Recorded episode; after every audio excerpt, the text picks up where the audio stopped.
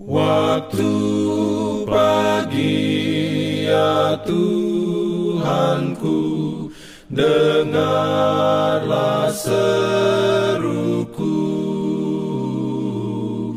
Melayang doa yang sungguh Memandang padamu Selamat pagi pendengar Radio Advent Suara Pengharapan.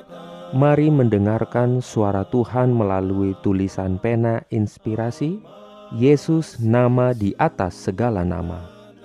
Renungan harian 14 Januari 2024 Dengan judul Sahabat Terbaik. Ayat inti diambil dari Yohanes 15 ayat 15 Firman Tuhan berbunyi, Aku tidak menyebut kamu lagi hamba, sebab hamba tidak tahu apa yang diperbuat oleh tuannya. Tetapi aku menyebut kamu sahabat, karena aku telah memberitahukan kepada kamu segala sesuatu yang telah kudengar dari Bapakku.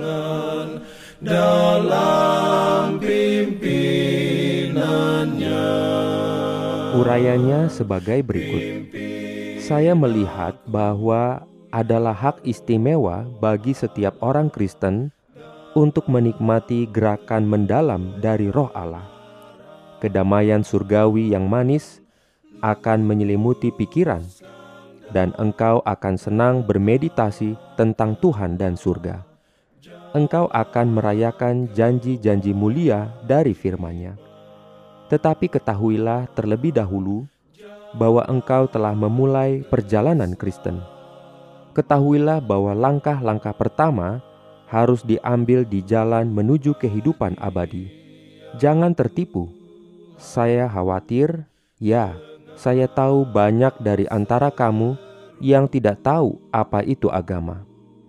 Engkau telah merasakan suatu kegembiraan, beberapa emosi, tetapi engkau belum pernah melihat dosa dalam kedahsyatannya. Engkau tidak pernah merasakan keadaanmu yang terlepas dan berbalik dari jalanmu yang jahat dengan kesedihan yang pahit. Engkau tidak pernah mati bagi dunia.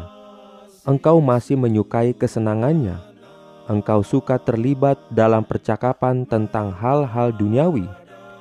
Tetapi ketika kebenaran Tuhan diperkenalkan, engkau tidak punya apa-apa untuk dikatakan Mengapa begitu diam? Mengapa begitu cerewet pada hal-hal duniawi dan begitu diam pada perihal yang seharusnya menjadi perhatianmu? Perihal yang harus melibatkan seluruh jiwamu. Kebenaran Allah tidak tinggal di dalam kamu. Saya melihat banyak yang jujur dalam pengakuan luarnya, tetapi di dalam penuh kecurangan. Jangan menipu diri sendiri Maha Guru yang berhati palsu. Allah melihat hati, karena yang diucapkan mulut meluap dari hati. Saya melihat cinta akan dunia ada di dalam hati mereka, tetapi agama Yesus tidak ada di sana. Jika orang yang mengaku Kristen mengasihi Yesus lebih daripada mencintai dunia, dia akan senang berbicara tentang Dia, sahabat terbaiknya yang menjadi pusat kasih sayang tertingginya. Dia datang membantu mereka ketika mereka merasakan kondisi mereka yang hilang dan sekarat. Ketika dalam kelelahan dan syarat dengan dosa, mereka berpaling kepadanya.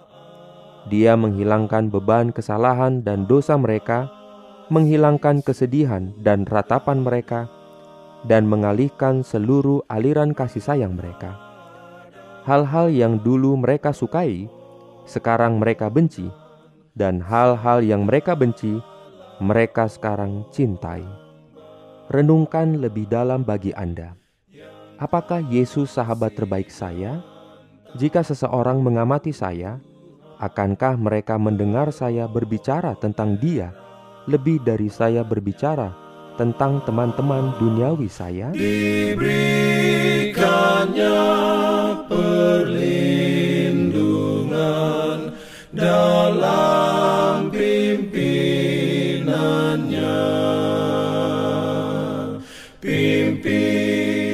Jangan lupa untuk melanjutkan bacaan Alkitab sedunia. Percayalah kepada nabi-nabinya yang untuk hari ini melanjutkan dari buku Yesaya pasal 52. Selamat beraktivitas hari ini. Tuhan memberkati kita semua. Jalan kewajiban, jalan